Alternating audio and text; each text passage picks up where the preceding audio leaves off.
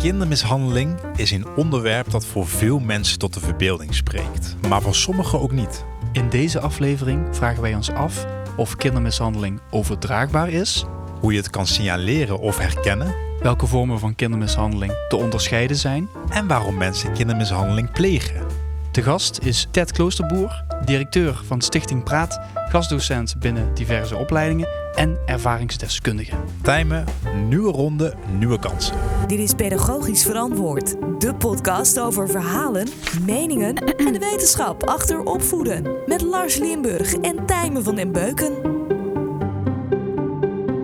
Weer een nieuwe dag in de pedagogische wereld, Tijmen. Absoluut.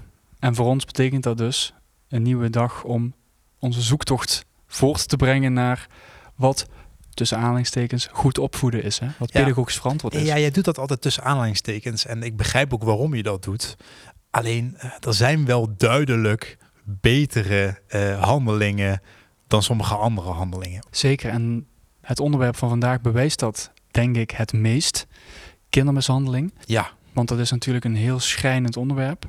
En voor een schrijnend onderwerp als dit, waar wij allebei geen ervaring mee hebben, leek het ons ook echt belangrijk om met zo'n expert zoals eh, Ted Kloosterboer te spreken. Mhm. Hoe, hoe je het kan signaleren, hoe je ermee om kan gaan. En misschien nog wel idealistisch gezien, hoe we het kunnen voorkomen in de toekomst. ja waarom is het belangrijk dat al onze luisteraars hier informatie over krijgen, volgens jou? Kindermishandeling is een maatschappelijk probleem. Het raakt ons allemaal, want kinderen worden daarmee beschadigd, worden volwassen, krijgen daardoor extra problematiek. Hè. Dat gaan we waarschijnlijk ook wel dadelijk in de literatuur bespreken, in de wetenschappelijke literatuur. En dat komt dan weer in de samenleving terecht. Dus de samenleving heeft er ook weer last van uiteindelijk. En ik denk niet dat we het moeten zien als kosten-baten en dat soort zaken. Dat we het heel economisch moeten gaan bekijken. Ja. Maar het is ook echt, eh, als het gaat over eh, omgaan met elkaar, ehm, eh, nadenken over wat een goede samenleving is.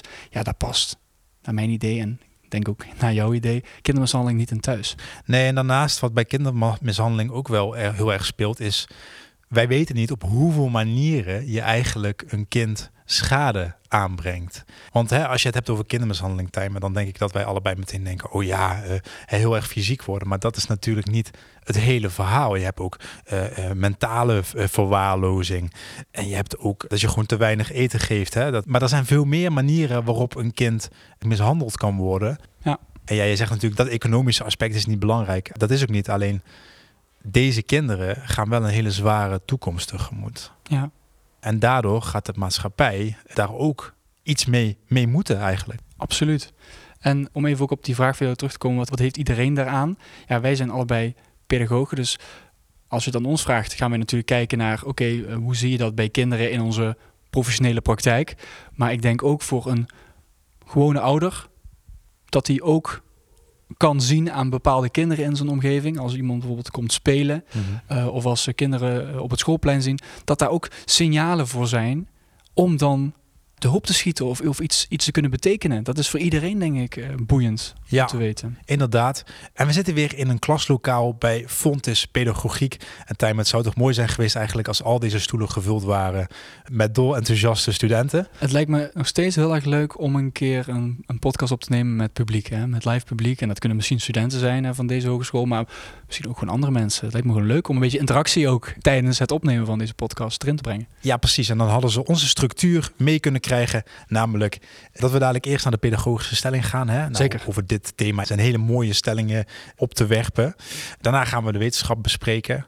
Nou, er is heel veel onderzoek gedaan. En daarna gaan we naar de deskundigen en ook ervaringsdeskundigen, hè, Tijmen. Precies. Ted ja, Kloosterboer. Ja, de STED spreekt vanuit een bepaalde deskundigheid die ze door de jaren heen heeft opgebouwd. Maar vooral omdat ze het zelf heeft meegemaakt. En dat maakt haar bijdrage nog waardevoller. Voordat we naar de stelling gaan, Lars, wil ik eerst even nog de luisteraar vragen om ons te steunen. Onze zoektocht te steunen naar wat pedagogisch verantwoord is. Dat kan heel makkelijk, voor een paar euro maar. Link staat in de beschrijving van deze aflevering. petjeaf.com slash pedagogisch verantwoord. En dan help je ons echt heel veel. Dus alvast bedankt als je dat wilt doen. En eh, Lars, we gaan nu de stelling van deze aflevering bespreken. Pedagogische stelling. kindermishandeling is overdraagbaar.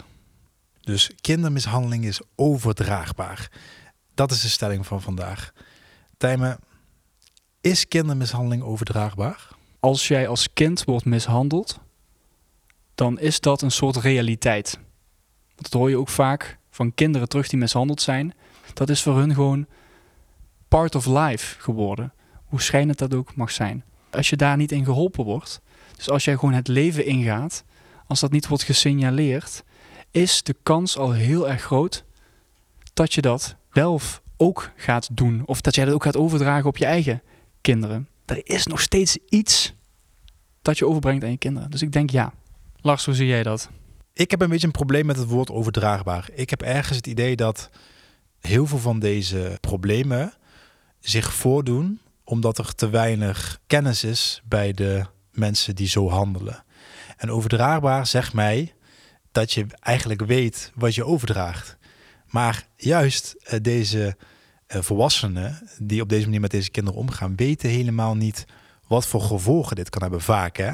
Niet altijd, maar wel vaak komen deze problemen daardoor. Ja, en ik denk ook dat ze hulpeloos zijn. Hè? Ja, sorry, ik moet niet jouw, uh, jouw stelling onderbreken, uiteraard. Sorry, jouw betoog. Sorry, sorry, ga door. Kindermishandeling is in mijn ogen dus niet overdraagbaar uh, als in een bewuste overdracht, maar meer dat het per generatie actueel kan blijven als er te weinig kennis is binnen een gezin uh, en binnen een, uh, een systeem wat dat betreft. Interessant Lars, en deze stelling gaan wij op het einde van de aflevering, in de conclusie, gaan we die weer even erbij pakken. En dan gaan we kijken hoe de wetenschappelijke bronnen en het gesprek met Ted daar wellicht een verschuiving in hebben aangebracht. Maar wij horen graag ook natuurlijk van luisteraars nog steeds. Wat vind jij van deze stelling, vooral bij dit thema? Ja, dus daar kun je nu al ons een bericht over sturen of op het einde van de aflevering. Um, maar denk mee, hè? want mm, zoals we al vaker hebben gezegd in deze podcast, opvoeden is niet iets dat vaststaat. Opvoeden is normatief, subjectief, om die woorden eens even te gebruiken. En opvoeden doe je samen als maatschappij. Ik uh, stel voor dat we de wetenschappelijke literatuur erbij gaan pakken. Wetenschappelijk verantwoord. Lars, in deze aflevering hebben we het even iets anders aangepakt dan uh, in menig afleveringen hiervoor. Jij was altijd de persoon van de wetenschappelijke bronnen, van de wetenschappelijke artikelen. Jij ging altijd op zoek, hè? was jouw taak. Maar ik dacht, laat ik Lars even ontlasten. Ja. Dat jij ook even kan focussen op andere dingen. Want je hebt ook genoeg andere dingen te doen. Dus we hebben besloten om de wetenschappelijke bronnen te splijten. Dus ja, hoe zeg je dat? Te splitsen. Nou te ja, splitsen, jij, jij, ja. Neemt, jij neemt er één voor je rekening en ik die andere. En dan krijgen we ook weer een mooi compleet beeld van, Dynamiek, de, van ja. het thema. Ik vond ik altijd zo zielig. Dan gaan we naar het rubriekje en dan moet jij weer alleen keihard werken en dingen opzoeken. En dan stel ik alleen maar vragen. Ja, dat is natuurlijk niet eerlijk, eerlijk verdeeld. Nee, en wij zijn wel eerlijk. Vind ik wel. Ja. ja. Nou, en die eerste bron die ik heb opgezocht, die gaat over het monitoren van kindermishandeling in Nederland. Want de omvang van kindermishandeling wordt in ons land gemonitord door de Nationale Prevalentiestudie Kindermishandeling. En in de meest recente versie van pedagoog professor Dr. Lenneke Alink en haar collega's wordt kindermishandeling omschreven als alle psychische of fysieke verwaarlozing en geweldpleging tegen kinderen en jongeren door hun ouders of andere verzorgers. Oké, okay, dat is wel fijn even een definitie ook. Daarom heb ik deze bron ook uitgekozen. Deze bron legt alles uit en ook de verschillende vormen van kindermishandeling. Hè? Want seksueel misbruik hoort daarbij, fysieke mishandeling hoort erbij, emotionele mishandeling, fysieke verwaarlozing, verwaarlozing van onderwijs, is ook een uh, goede, emotionele verwaarlozing en alle andere vormen van mishandeling. Dat is altijd handig, hè, Tijmen, dat is bij zo'n bron dan uiteindelijk ook neerkomt op en ook al die andere vormen. Ja. Hè, wat, wat, zit daar dan nog allemaal onder? Dat is misschien ook wel goed om nog even met, uh, met Ted uh, over te hebben. Zeker. En hier schrok ik wel van, Lars. Naar schatting zijn 90.000 à 127.000 jeugdige slachtoffer van kindermishandeling. In al die eerder genoemde vormen. Dat is echt heel veel. Maar is dat dan per jaar of hoe zit dat dan precies? Per jaar. Ja, ja per jaar. Dat zijn er wel een hoop, zeg. En emotionele verwaarlozing is de meest voorkomende vorm, staat in deze bron. Dus emotionele verwaarlozing uh, is ook natuurlijk een hele onduidelijke en geniepige vorm. Hè. Dat, dat, dat, dat, dat gaat onderuit zitten. Dat is niet heel erg zichtbaar. En dat maakt het zo, zo gevaarlijk. Ja, want een, een blauwe plek of zo, die kun je ook nog waarnemen. Maar als iemand echt onder je huid gaat zitten, als die echt dingen zegt om jouw zelfbeeld gewoon te, te kleineren eigenlijk. Ja, of wat dat veroorzaakt, dat Ja. je zelfbeeld gekleineerd Nou, wordt. dat zie je niet altijd. Nee. En natuurlijk kunnen deze kinderen misschien ook wel heel goed een masker opzetten. Kom daar dan maar eens achter wat daar allemaal mis is gegaan. Ja. ja, en dit zijn ook wel interessante aspecten om mee te nemen in het tegengaan van die kindermishandeling. Hè. Dus daarom nogmaals vind ik het wel belangrijk dat we dit eh, bespreken. Bij 29% van de jongeren die te maken hebben gehad met kindermishandeling, is er sprake van meerdere vormen van mishandeling. Hè, dus dan is het niet alleen maar slaan of dat geestelijke aspect, maar ook al die andere. Ja, dat is echt wel heel erg schrijnend hoor. Dus die krijgen nog meer ellende over zich heen. Ja, het stapelt zich op hè, bij die kinderen. En van de kinderen die slachtoffer zijn, staat ook in deze bron, van mishandeling of verwaarlozing, blijkt bijna de helft ook te maken te hebben met andere vormen van huiselijk geweld binnen het gezin. In meer dan de helft van deze gevallen gaat het ook om partnergeweld tussen de ouders. Dus het wordt eigenlijk, ja, heel typisch gezegd, wordt het verdeeld onder ook gezinsleden. Hè, die krijgt wat fysieke mishandeling op het bordje, maar ook tussen de partners zelf gaat het mis. Ja, en dan moet je je voorstellen als één grote ellende. Heb jij net zelf iets vreselijks meegemaakt en dan hoor je daarna ook je ouders hele heftige ruzie hebben. Ja, je kan je wel voorstellen voor zo'n kind is dat echt vreselijk. Is dat echt heel schrijnend. In 60% van de gemelde gevallen van kindermishandeling zijn de ouders gescheiden. Of is er sprake van een dreigende scheiding of relatiebreuk. Hè? Vooral bij emotionele mishandeling en verwaarlozing is er ook vaak een relatiebreuk in het spel. Ja, kleine, kleine verwijzing weer naar onze andere aflevering over eh, het thema scheiden en verstoten ouders. Ja, En natuurlijk gebeurt dat kindermishandeling niet altijd in die eh, situaties. Nee. Maar dat het hier staat zegt ook wel weer iets. ja, dat die problematiek zich opstapelt en dat die ook andere problematieken aanspreekt of aansteekt bijna. Ja, je had nog een kleine kanttekening bij dit onderzoek, Tijmen? Ja, ja, precies. Ja, want een kanttekening aan dit onderzoek dus, aan dit rapport, is aangezien het onderzoek via informanten is verlopen en via registraties van gemelde gezinnen bij Veilig Thuis, kunnen de resultaten, dus al die cijfers die ik net genoemd heb, beschouwd worden als een ondergrens. Dus dit is hetgeen wat bekend is. Dus je kan je wel voorstellen, wellicht zijn er veel meer mensen die er last van hebben. En dat zegt ook eigenlijk waarom het belangrijk ook is om in onze podcast te bespreken. Het is een heel groot probleem. Wat hier denk ik passend is bij zo'n grote problematiek, zijn richtlijnen. Kijk, Het meerjarenplan Richtlijnen Jeugd, eh, dat is opgesteld door het Nederlands Jeugdinstituut, de beroepsvereniging van professionals in sociaal werk, het Nederlands Instituut van Psychologen en de Nederlandse Vereniging van Pedagogen en Onderwijskundigen. Dus dat is een hele grote groep organisaties ja. die heeft gezegd, zo moeten we het zien. Ja, dus dit eh, is wel een betrouwbare bron, kunnen we wel stellen. Zeker. Ja.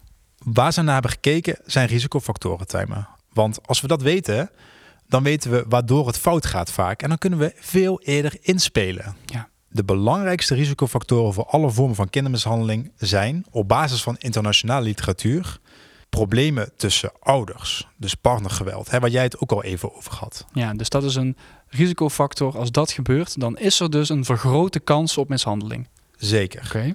Ook ander huiselijk geweld eh, en vechtscheidingen, hè, dat, dat, dat hoort er dan ook nog bij.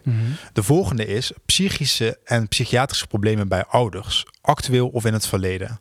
Dus dan moet je denken aan depressie, autisme, ADHD, bipolaire stoornis, antisociale gedragsstoornis, borderline, persoonlijkheidsstoornis en LVB. Nou, als dat speelt, Tijmen, is de kans groter dat die mishandeling Ja. plaatsvindt. En weet je wat ik altijd vervelend vind aan dit soort lijstjes, is dat eh, we die mensen al meteen verdacht gaan maken. Hè? En dat is wel echt het nadeel van dit soort eh, theorie. Alleen, ik denk wel dat we het mee moeten nemen van, oké, als jij hier last van hebt, dan heb je daar een grote kans. Ja, ik vind het lastig. Ik vind het echt Ik begrijp jou, ik begrijp waar het wringt bij jou. Ja. Alleen je moet wel denken dat elke situatie die jij vindt waarin kindermishandeling plaatsvindt, is er één. Dus je hebt winst gemaakt. ja. Goed, wa- wat staat er nog meer? Ja, nog een van die belangrijke risicofactoren is dat de ouder kindermishandeling heeft meegemaakt in de eigen jeugd. Kijk, de stelling, Lars. Ja, de stelling, hè, daar komen we dan een beetje, beetje op terug. eh, dat dat dan inderdaad van generatie op generatie over wordt gegeven. Ja, en de laatste belangrijke risicofactor is problematisch alcohol- en drugsgebruik door ouders. Ja, en die vind ik dan weer logisch. Op een of andere manier. Ja, maar dan ga je ook wel weer ervan uit dat dat heel vaak gebeurt bij dit soort Problematisch staat daar al Lars. Ja, niet ja, iemand die even eh, één of zoveel keer een... eh, een drankje drinkt. Nee, niet iemand die eh, even één keer per week een, een wijntje drinkt. Dit is toch wel iemand die heel veel drinkt. Dus ik denk ook heel vaak dronken is. Ja, misschien, misschien ben ik wel selectief aan het, aan het sprokkelen hierin. Dat kan natuurlijk ook. Wat ik nog even met je wil bespreken, Ja. Tijmen, zijn, zijn de ouder- en kindfactoren. Oké, Als er mishandeling plaatsvindt in Tijmen, dan zijn natuurlijk twee partijen betrokken. Ouders en kinderen. Da- daar gebeurt de mishandeling. ja. En dan kijken deze richtlijnen ook heel erg naar wat zijn nou factoren die bij de ouders spelen en wat zijn factoren die bij de kinderen spelen.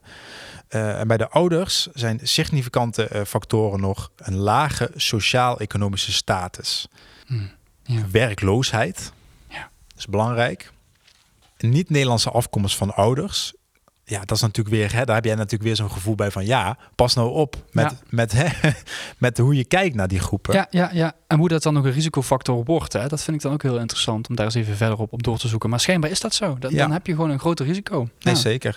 Eén oudergezinnen, Mhm. Daar eh, gebeurt het ook vaker. Hè? Dus dat er geen andere ouder is om ook controle te houden ergens. Ja. Eh, en tenslotte bij de ouderfactoren was ook nog grote gezinnen met meer dan vier kinderen. Ja, Tijmen. Ja, Ik is- zie het voor me.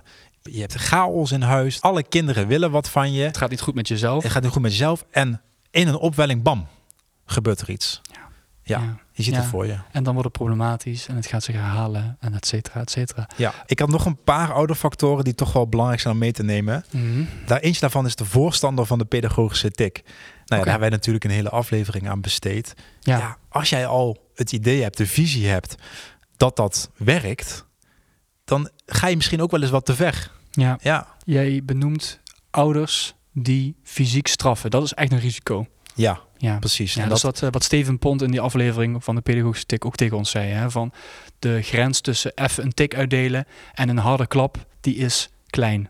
Ja. Precies, ja.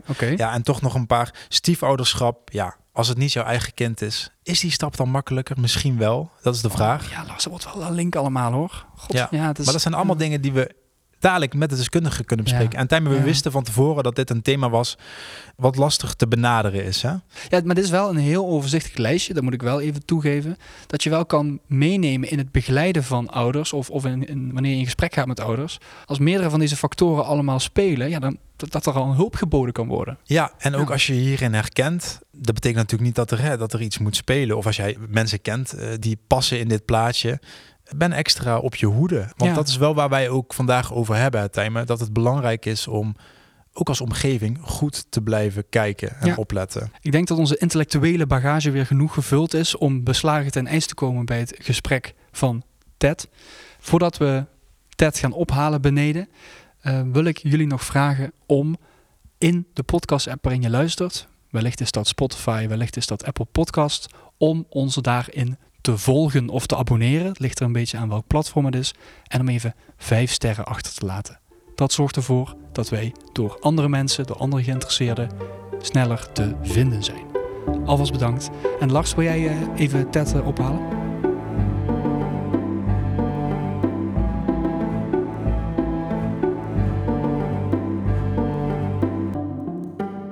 Deskundig verantwoord. Ja, inmiddels is bij ons aangeschoven Ted Kloosterboer. Zij is directeur van Stichting Praat, gastdocent binnen diverse opleidingen. En zij heeft in 2021 de Van Danzig-penning gekregen eh, voor haar aanpak. En je bent ook ervaringsdeskundige, hè, Ted? Ja, dat klopt. Welkom. Dankjewel. Eh, wij wilden heel graag toch gebruik maken van jouw deskundigheid. Omdat wij zelf merken dat het best een lastig thema is, zelfs voor ons als pedagogen, om te bespreken. Maar ik wil beginnen met de vraag: wat doet Stichting Praat eigenlijk? Nou, we doen eigenlijk veel te veel. Eh, we doen een aantal verschillende dingen. We- geven scholing aan professionals, aankomend professionals en aan vrijwilligers. En die scholing gaat, ja, wij noemen dat dat het voor de meldcode zit. Dus dat is scholing eigenlijk op stap nul van de meldcode. Dan gaat het heel erg over wat vind je nou eigenlijk kindermishandeling? Wat ben je eigenlijk aan het signaleren? En waarom vind je het eigenlijk zo ongelooflijk ingewikkeld om het te signaleren? Daar gaan onze scholingen heel erg over. En wat we ook doen is dat we publiekse acties organiseren. En dat zijn onze vuile wasmanifestaties. En dan staan we op straat met theater en met muziek. En dan hebben we twee droogmolens bij ons en we hebben schone was. En dan nodigen we voorbijgangers uit om hun eigen ervaringen met ons te delen. Hoe ze zelf zijn opgevoed, hoe ze zelf zijn opgegroeid of hoe ze het zelf met hun kinderen doen. En daar uiteindelijk ook een quote op te schrijven op een stuk wasgoed en dat hangen we dan buiten. Wauw. Ja, Ja, dat is wel de, de, de manier om het te doen eigenlijk. Hè? Van eh, kom met je, met je taboe doorbrekende eh, Ja. eigen ervaring eigenlijk. Ja. ja, en dat doen we vooral omdat we willen laten zien dat je eh, niet doodgaat als je het er gewoon over hebt. En ook omdat, kijk, we zeggen tegen kinderen altijd: als er iets is, dan moet je het er wel over hebben. Eh, maar wanneer hoor je nou een volwassene praten over kindermishandeling? Vrijwel nooit. Dus we leven het voorbeeld dat, het, ja, dat je er eigenlijk niet over moet hebben. Dus daarom vinden wij het ook zo belangrijk om dat ook echt op straat te doen, zodat het echt zichtbaar is en nou ja, dat mensen zich daarover kunnen uitspreken. Ja.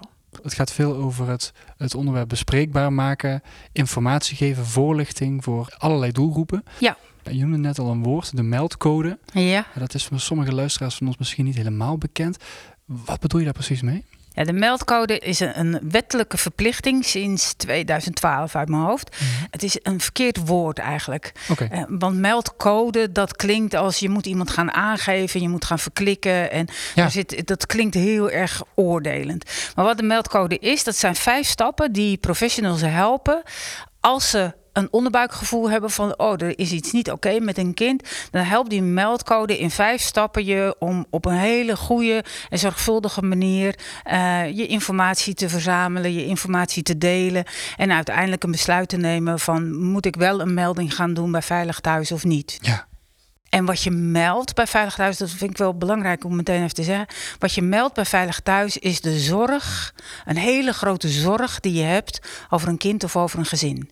Dus wat je niet meldt bij Veilig Thuis is in dat gezin is sprake van kindermishandeling. Want je bent geen Sherlock Holmes, dat heb je helemaal Nee. niet hoeven onderzoeken. Maar wat je doet bij, is dat je bij een melding zegt tegen Veilig Thuis: wij maken ons zoveel zorgen over dit kind, over dit gezin. Daar kunnen we zelf gewoon niks meer mee. Alsjeblieft willen jullie gaan onderzoeken wat er aan de hand is en welke hulp nodig is. Ja, het gaat dus over signaleren en vermoedens.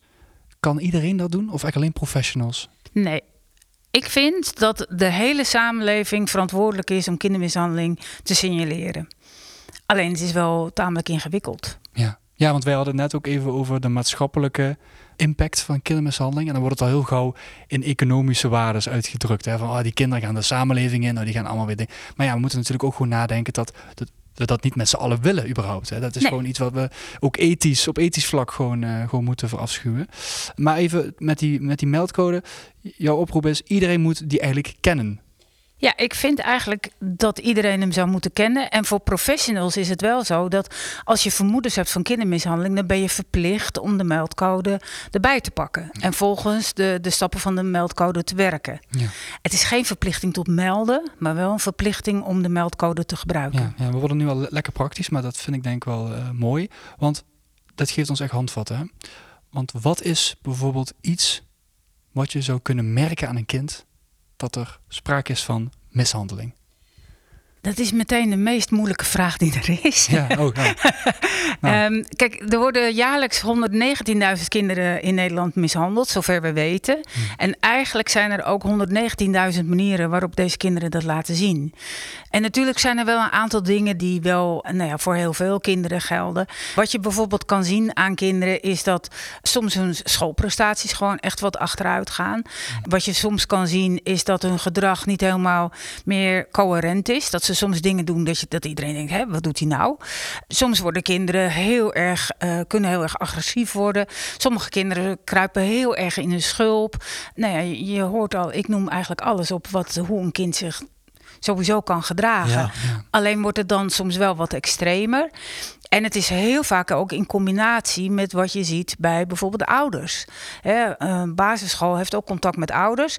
En dan kan je ook in het gedrag van ouders kan je iets zien hoe een ouder zich ten opzichte van jou eh, zich gedraagt, maar ook ten opzichte van andere ouders. Of als je ziet hoe de interactie tussen het kind en de ouders is, daarin kan je dan ook al iets zien. Dus het is eigenlijk een optelsom van een heleboel dingen. En wat er dan meestal gebeurt, is dat je buik dan zegt, of je onderbuik. Het voelt gewoon niet lekker. Het voelt Ja, gewoon niet goed. Je instinct volg je dan eigenlijk. Hè? ja, ja. Ehm, want we hadden het ook eventjes eh, over dat eigenlijk dat emotionele verwaarlozing, mishandeling eigenlijk veel meer voorkomt. Hè? Ja. Dus je ziet ook, je ziet ook niet zo heel vaak van ook letterlijk blauwe plekken. Nee. Want het zijn gewoon vaak, eh, zit, zit het in het hoofd. Ja, het zijn heel veel blauwe plekken in het hoofd, inderdaad. Ja, Ja, ja, en je zegt al zelf, je mag niet, je kan niet echt op zoek gaan als een soort Sherlock Holmes naar, naar signalen. Wat is dan wel de manier, behalve die meldcode, om daarmee om te gaan? Ik denk zeker, zeker als je leerkracht bent op een basisschool. Ik heb net vandaag geleerd dat kinderen 7000 contacturen eh, hebben als op- op de basisschool. Dus er zijn 7000 uur dat een kind op school is. Als een kind mishandeld wordt, dat heeft invloed op zijn gedrag. En het kan bijna niet anders dan dat school dat ook gaat merken. En dat kan al zijn in groep 1, maar dat kan ook pas zijn in groep 8. Maar ergens moet er op een gegeven moment moet er duidelijk worden van goh, de, het lijkt toch wel iets niet helemaal lekker met dit kind. En wat er dan heel veel gebeurt, is dat we dat bedenken. En dat hoor ik of mensen ook heel vaak zeggen. Maar ja, je ziet die signalen niet, hè? Je ziet die signalen niet. Om vervolgens op te noemen. Ja, maar hij, hij heeft toch wel heel vaak kleren aan die veel te klein zijn. Hij ruikt ook heel vaak niet zo lekker. Ja, als ik kijk in zijn trommeltje wat hij mee naar school heeft, dat is, is niet echt heel erg gezond. Eigenlijk zien we die moeder ook bijna nooit. En dan worden er zo een stuk of vijf, zes dingen opgenoemd waarvan iedereen denkt: ah, maar dat voelt niet zo lekker.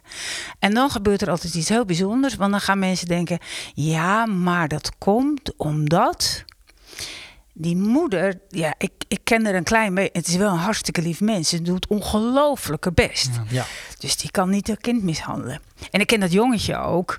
Het is wel een jongetje met een heel, heel bijzonder temperament ook. Dus ik kan me voorstellen dat als het af en toe niet goed gaat, snap ik ook. Dus wat we doen, is bij alles wat we zien en wat we waargenomen hebben en waar we ons zorgen over maken, gaan we meteen ongeveer 100 redenen bedenken waarom dat absoluut geen kindermishandeling zou kunnen zijn. En waarom doen we dat? Waarom willen we daar niet aan toegeven? Niemand wil leven in de wetenschap dat er mensen zijn die hun kinderen pijn doen. En niemand wil ook leven met de wetenschap dat je daar zelf ook toe in staat bent. Ja, dat er een soort monster in onze huis. Ja, Ja. en dat is ook wat we doen. Van ouders die hun kinderen mishandelen. Daarvan denken we altijd dat het monsters zijn. Nou, ik ben zelf als kind mishandeld. Ik had echt hele doodnormale ouders. Ja. En die gingen ook gewoon naar verjaardagen. Er kwamen gewoon mensen bij ons thuis. Mijn moeder zat altijd in de, toen nog heette dat oudercommissie. Als er iets gedaan moest worden op school, was mijn moeder de eerste die zich aanmeldde. Dus een hele doodgewone, vriendelijke, aardige vrouw. ja, dus dat er ook een soort stigma heerst op mensen die kinderen mishandelen. Dat zijn ook slechte mensen. Ja. Die doen dat expres, die, die willen dat ook. En, Ja, en het zijn monsters. Ja, ja. ja. En, en we kunnen gewoon niet geloven. Er was een heel, dat ging niet over kindermishandeling, maar was een hele mooie documentaire. eh We Need to Talk About Cosby. Eh, Bill Cosby die heeft in Amerika iets van 70 vrouwen eh, misbruikt. En er is een, een vierdelige documentaire. En dan gaat er eerst ook heel erg over dat hij zo belangrijk is geweest voor de emancipatie van zwarte mensen. En dat hij ook heel veel gedaan heeft, ook eh, in het pedagogisch klimaat. Dus echt een hele goede, hartstikke aardige, leuke, lieve man. En ondertussen verkrachtte hij 70 vrouwen. Ja.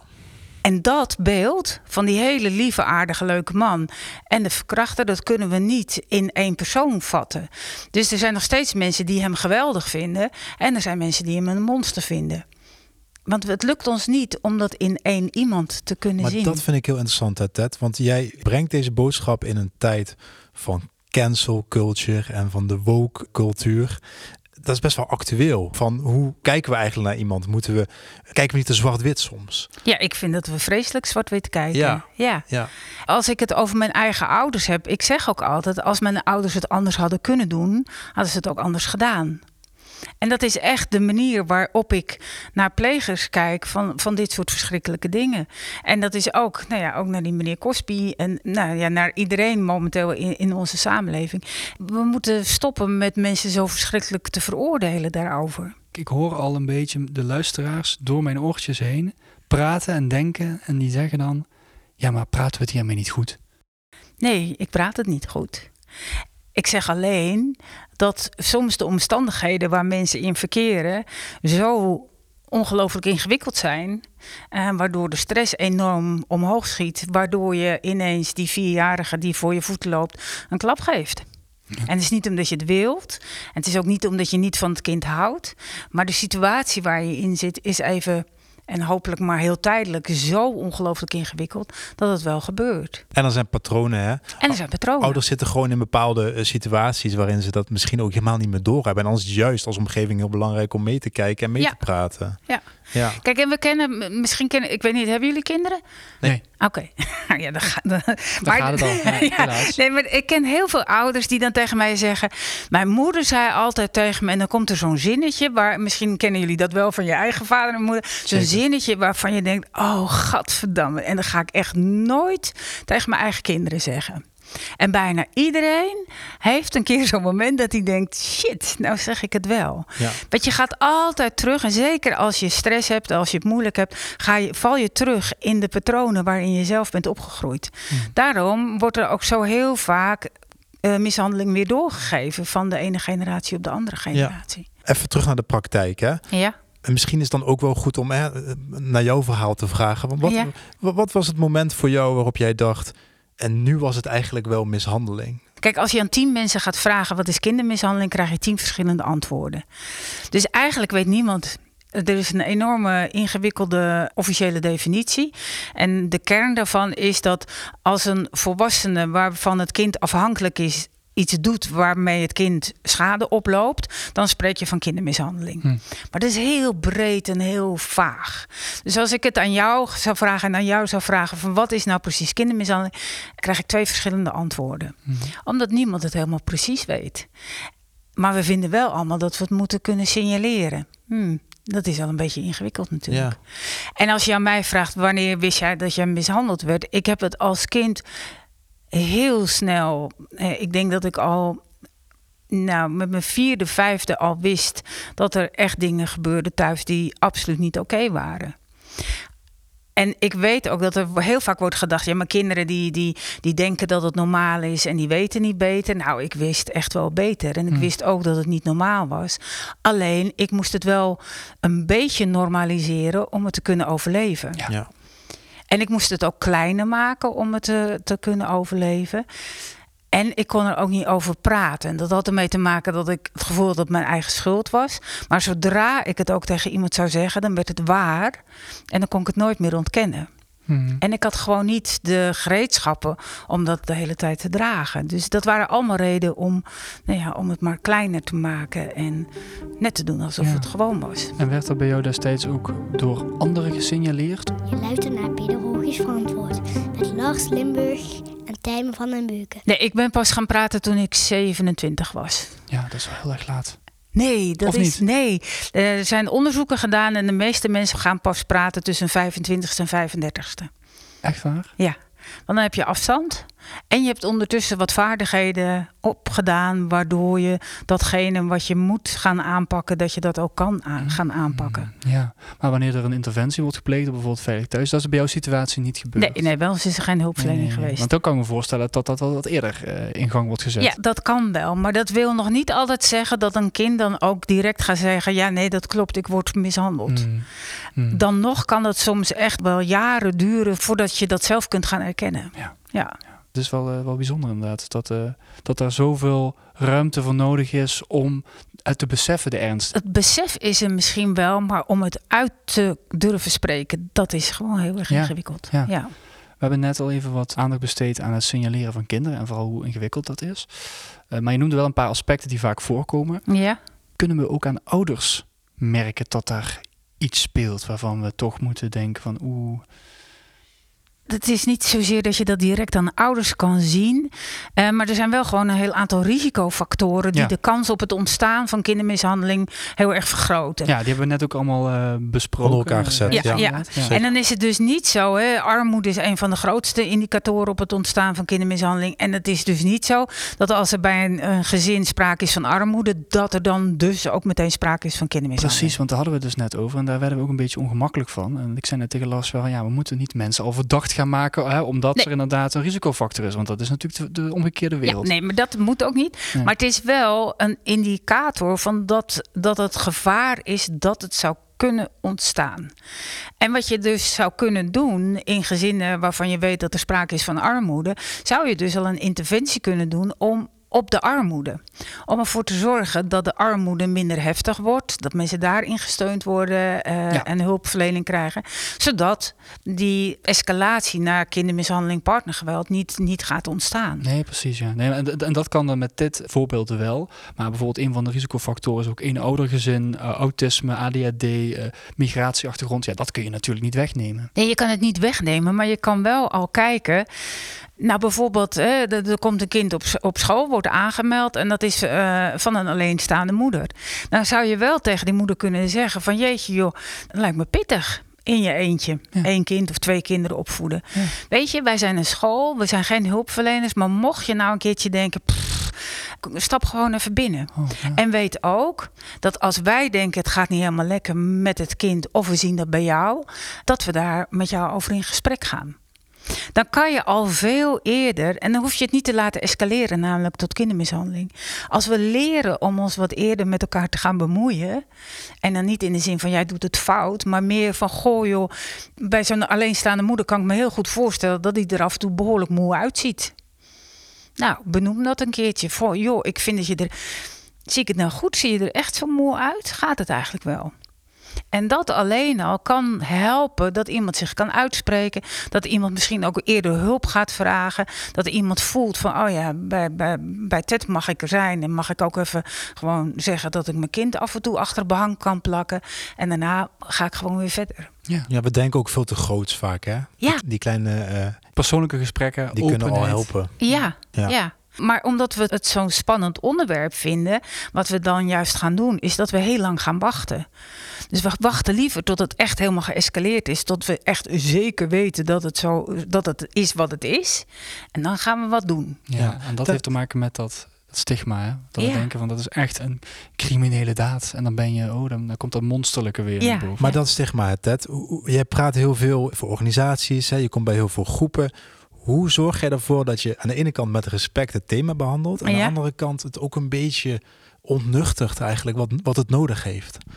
Ik kan ook heel veel vanuit mijn eigen ervaring vertellen. En dat ik kan laten zien. Ik ben er goed uitgekomen. En ik heb een heel rijk en gelukkig leven nu. En dat maakt het al luchtig. Kijk, als ik in dit gesprek met jullie een beetje zielig, bijna snikkend zou zitten. Zou dat voor jullie veel minder plezierig zijn dan wanneer we er gewoon over kunnen hebben. Ja, is, er, is er bijvoorbeeld plek voor humor? Of is dat Ja, natuurlijk. wel? Ja, tuurlijk. Ja, ja misschien Tijmen, hebben wij, hebben wij ook een beetje zo'n soort van spanning of zo bij dit? Ja, ja maar dat, dat benoemden we net ook al. Hè? Want we willen ook niet disrespectvol zijn hè? Naar, naar zowel de, de mensen die het meegemaakt hebben... als dan ook naar eventuele plegers of mensen Ja. die, eh, die Maar dat doen. ergens zijn we misschien ook, doordat we zo respectvol willen zijn, zijn we juist misschien disrespectvol. Omdat je ook gewoon Ja. erover moet Ja. kunnen hebben. Ja, dat is een goede Lars. Ja. Misschien komen we daar nu een beetje achter in dit Ja. gesprek. Wij hebben een samenwerkingsverband met een, met een theatergroep. eh, en hebben, is er een voorstelling over seksueel misbruik van kinderen. Nou, die is best eh, heftig. Maar er wordt ook behoorlijk gelachen in die voorstelling. En dat moet ook, want anders hou je het gewoon niet vol. Dan, dan is echt halverwege de voorstelling ligt iedereen onder zijn stoel en die huilt en die, die kunnen we allemaal opdwijlen. Dus je moet ook steeds wel een beetje lucht brengen in het geheel, want anders ja, dan Ja. is het niet te dragen. En dat hoor ik ook uit, jou, eh, uit jouw eerdere woorden al. Hè? Dat, dat er een soort menselijkheid altijd achter blijft zitten. Hè? Het- is gewoon iets wat mensen doen. Niet met de slechte intenties, maar Nee. gewoon door onmacht of door onwetendheid. Hè? Dat heeft Lars ook in het intro-stukje al gezegd. Dus nuchter bekijken van deze problematiek. Dat zeg jij dus, dat is nodig. Dat is heel erg nodig. Ja. En we mogen het niet bagatelliseren. Dat mag ook niet. Dus niet bij alles denken, oh nee, dat zal wel meevallen. Hmm. Maar ook niet nou, zo ongelooflijk zwaar maken. Want daar heeft niemand wat aan. Ja. En zeker de kinderen niet. Hè? Want als wij het als volwassenen zo zwaar gaan maken... en er zo ingewikkeld over doen... en zo zenuwachtig ook van worden... Nou, dan gaat geen kind meer überhaupt zich meer uitspreken. Nee. Nee. Want die kinderen denken, oh ja, dan ga ik het tegen jou vertellen... en dan moet ik jou daarna opdwijlen... want jij kan het helemaal niet aan, want je vindt het nu al eng. Ja. Dus we moeten het echt gaan normaliseren om over dit soort dingen te praten. Ja. ja, want stel iemand luistert dit verhaal nu, die luistert naar deze podcast en die, die denkt bij zichzelf, ja, maar ik ben volgens mij ook echt mishandeld als kind. En die heeft daar nooit over gesproken of nooit iets mee gedaan. Wat, wat moet zo'n persoon doen? Wat is de eerste stap? Nou, je moet niks, maar wat ik je wel kan aanraden is om er wel over te gaan praten. En het kan zijn met iemand die je vertrouwt, het kan zijn met een hulpverlener, het kan zijn met een lotgenoot. Maar praten over dit soort dingen is ongelooflijk belangrijk, omdat je er dan ook achter komt dat je niet de enige bent. Wat heel veel slachtoffers denken. Dat je de, e- ik heb ook heel lang gedacht dat ik het enige kind op de wereld was wat mishandeld werd, want er werd nooit over gesproken. En wat je ook kan leren dan, is dat het niet jouw schuld is. Want kindermishandeling heeft niks te maken met het kind. Kindermishandeling heeft te maken met het onmacht en het onvermogen van de plegers. Ja. En van heel veel vormen, daar kunnen we misschien bij voorstellen, onmacht en onwetendheid. Maar als ik dan lees seksueel misbruik, Ja. ja, dan, dan moet ik niet denken aan onmacht. En toch is dat zo. Ja, Ja. Ik wil eerst bij zeggen dat voor iedereen seksueel misbruik ongeveer als de allerergste vorm van kindermishandeling wordt gezien. Ja. En behalve voor heel veel slachtoffers, want heel vaak heb je ook te maken met andere vormen van kindermishandeling.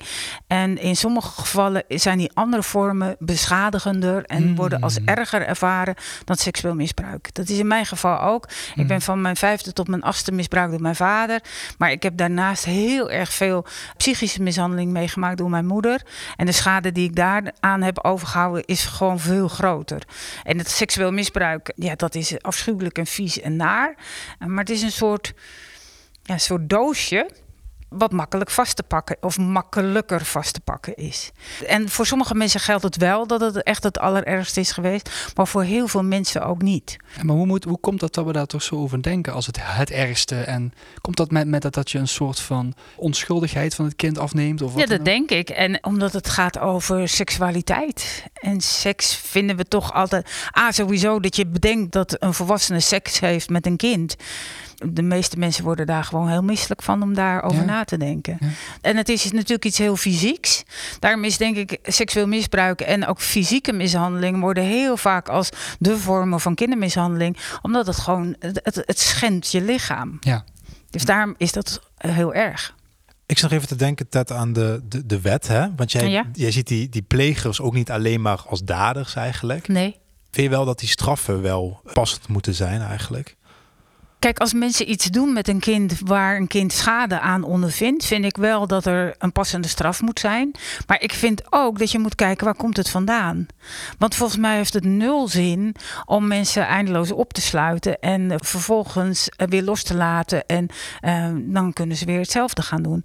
Want er zit heel vaak een oorzaak onder datgene wat men gedaan heeft. En als je daar niks aan doet, dan los je niks op. Ja. Want je hebt wel verschillende plegers van seksueel misbruik bijvoorbeeld. Je hebt eh, pedofielen, die hebben gevoelens voor kinderen. Maar een pedofiel over het algemeen wordt niet seksueel actief. Dan heb je pedoseksuelen, dat zijn mensen die ook gevoelens hebben voor kinderen. En ook heel vaak in een bepaalde leeftijdsrange. Hè, dus kinderen van 5 tot 8 vind ik heel erg aantrekkelijk. En als ze ouder dan 8 zijn, dan hoef ik ze niet meer. En, maar deze mensen worden ook echt seksueel actief en die misbruiken kinderen ook. Maar je hebt ook een soortement van gelegenheidsdaders. Zoals mijn vader bijvoorbeeld ook was. Dat was een man die enorm gefrustreerd was. Die ook hele nare dingen in zijn eigen jeugd heeft meegemaakt.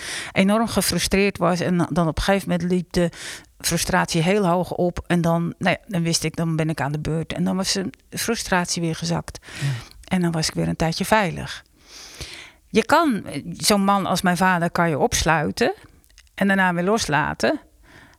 Maar dan, als hij dan een nieuw gezin gaat stichten, gaat hij dezelfde dingen doen. Je kan hem ook wel straffen, eh, maar daarnaast ook behandelen voor de trauma's die hij zelf heeft, waardoor dat gedrag wat hij heeft ontwikkeld stopt. Ik merk dat er allemaal stigma's en gedachten door mijn hoofd gaan. Maar ik ben er tegelijkertijd ook wel van bewust dat dat ook echt komt door dat, dat maatschappelijk stigma van... Ja, maar dat kan toch niet en dat doe je toch niet. En dat mag toch niet? En dat, dat, is iets, dat is iets beestachtigs, weet je. Ja. Je bent toch gewoon een mens met, met normen en waarden en een opvoeding. En dat is toch een grens, die ga je toch niet over. Totdat heel- je hem wel overgaat. ja. Denk je ook dat ieder mens dit kan doen? Dat denk ik wel, ja. Ik bedoel, kijk, kijk naar de oorlog in Oekraïne. Kijk wat Ja. er gebeurt als mensen echt in afschuwelijke omstandigheden terechtkomen. Dan gaan al je menselijke waarden en normen worden overboord gegooid. En dan zijn mensen in staat tot de meest vrede dingen. Als je eindeloos in armoede leeft en je hebt een partner die alleen maar zuipt en eh, je hebt drie kinderen en geen cent te makken en de deurwaarder staat aan de deur, dan zou het zomaar kunnen dat de stress zo hoog oploopt dat je, nou ja, en op een gegeven moment snap en dan doe je iets verschrikkelijks. Ja, dus, dus de uitspraak van beschaving is een dun laagje vernis. Dat is, dan ben je het mee eens. ja, daar geloof ik wel in. Ja. ja.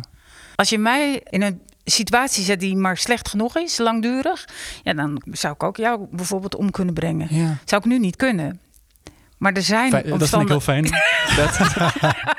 Ja, wie weet Ja. wat er nog Ik- gebeurt. Ik heb dat ook wel eens bij Tijmen. Nee, is dat wat een humor toch? toch? Ja, dat is wel goed. ja, ja. Ja, Lars. Ik zat nog even te denken, Ted. Je vertelde al dat dat praten heel belangrijk is. En wat zijn de volgende stappen die we met deze kinderen moeten zetten om die weer te laten herstellen eigenlijk? Ja, praten is heel erg belangrijk. En wat ongelooflijk belangrijker is, is dat je kinderen ziet. Ik zit hier en ik ben zo gezond weer geworden omdat er in mijn leven twee mensen waren. Dat waren mijn oom Dick en tante Ger. En die hebben heel veel voor mij en ook voor mijn broers en zussen gezorgd. En door hun zit ik hier. En dat kwam omdat ze gewoon, ja, ze zagen mij, ze hadden belangstelling voor me.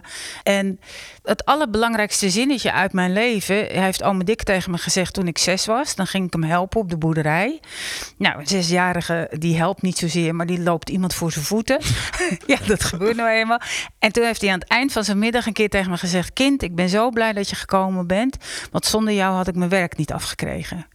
En dat is gewoon het allerbelangrijkste zinnetje uit mijn leven. En daarmee heeft hij me zoveel zelfvertrouwen gegeven. Ik ben echt een meter gegroeid die dag. En dat heeft me enorm geholpen om het te overleven. Dus dat is ongelooflijk belangrijk. Je kunt vaak niet het probleem oplossen. Daar moet je wel je best voor doen. Maar het probleem is vaak heel ingewikkeld, complex. En daar heb je heel veel tijd voor nodig. Eh, maar een kind helpen is helemaal niet zo moeilijk. En dat gaat over aankijken, echt belangstelling hebben en een kind echt zien. Ted, ik denk dat dit een heel mooie laatste eh, opmerking is. eh, Die echt gaat over het pedagogisch verantwoorden. Want dat is echt eh, wat nodig was op dat moment. Ja. Wij willen jou heel erg bedanken voor jouw bijdrage. We hebben heel veel geleerd. Hoe kunnen mensen jou nog bereiken? kunnen naar de website van Stichting Praat. Dat is www.stichtingpraat.nl.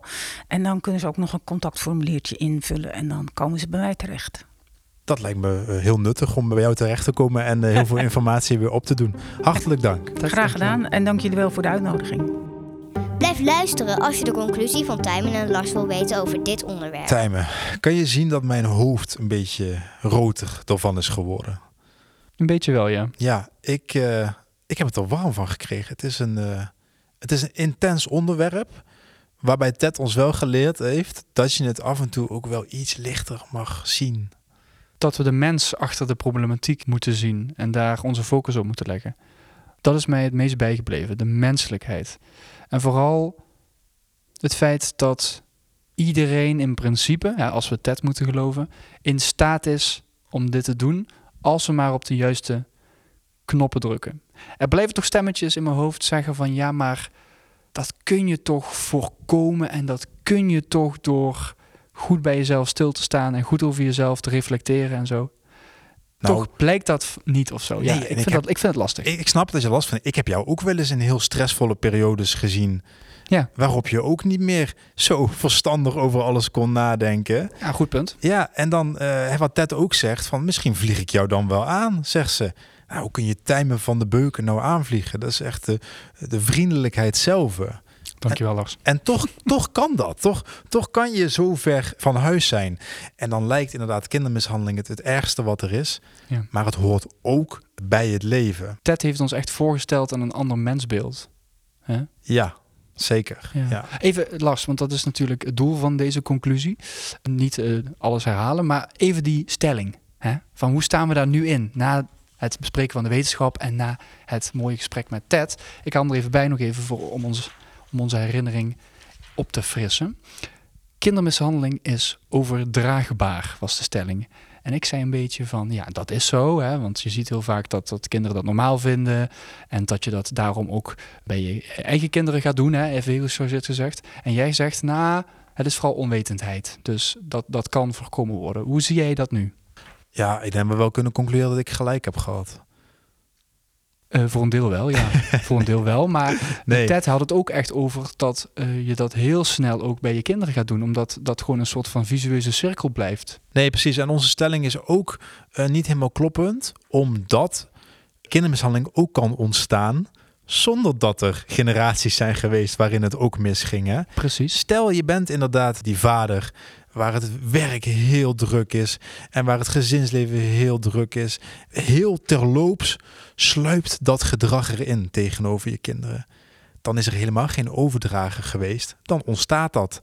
Ja. En daar moeten we goed op letten nog steeds. Ja. En praat. Hè? Dat is wel een eh, belangrijke tip. En daarom is die stichting en die naam ook zo goed. Stichting Praat is, eh, dat is de eerste stap. Ja, en wat ik nog echt even wil benoemen is dat Ted ook een pleidooi heeft gehouden voor het herwaarderen van ons onderbuikgevoel. En want dat wordt in de moderne wereld, naar mijn idee, toch gezien als slecht en dan komen alleen maar foute ideeën uit. Maar dat Ted eigenlijk zegt van ja, maar als je dingen ziet, je dingen signaleert waarvan je eigenlijk kan zeggen, nou die signalen aan zich zeggen eigenlijk niet zoveel. Maar de combinatie en de setting, dat doet iets met me. Daar gaat een soort van intern alarmbelletje af. En ik denk dat we dat alarmbelletje met z'n allen en het onderdrukken zijn, want het moet allemaal feitelijk zijn en allemaal meetbaar zijn. Maar nee, daar zit dus blijkbaar wel iets in ons dat je dat kan voelen en dat dat kan zien. Ik denk dat dit wel heel belangrijk is om daar weer naar te luisteren met elkaar. En Tijmen, ik ben het eens met je zegt, maar ook dat het niet alleen maar professionals zijn die dit, die dit moeten kunnen doen. Jij moet gewoon waarde hechten aan jouw oordeel. Ook als buitenstaander en ook als eh, tussen haakjes niet-deskundige, jij kan die verandering teweeg brengen. Eh, dat is ook dat onderbuikgevoel wat die mensen ook kunnen hebben.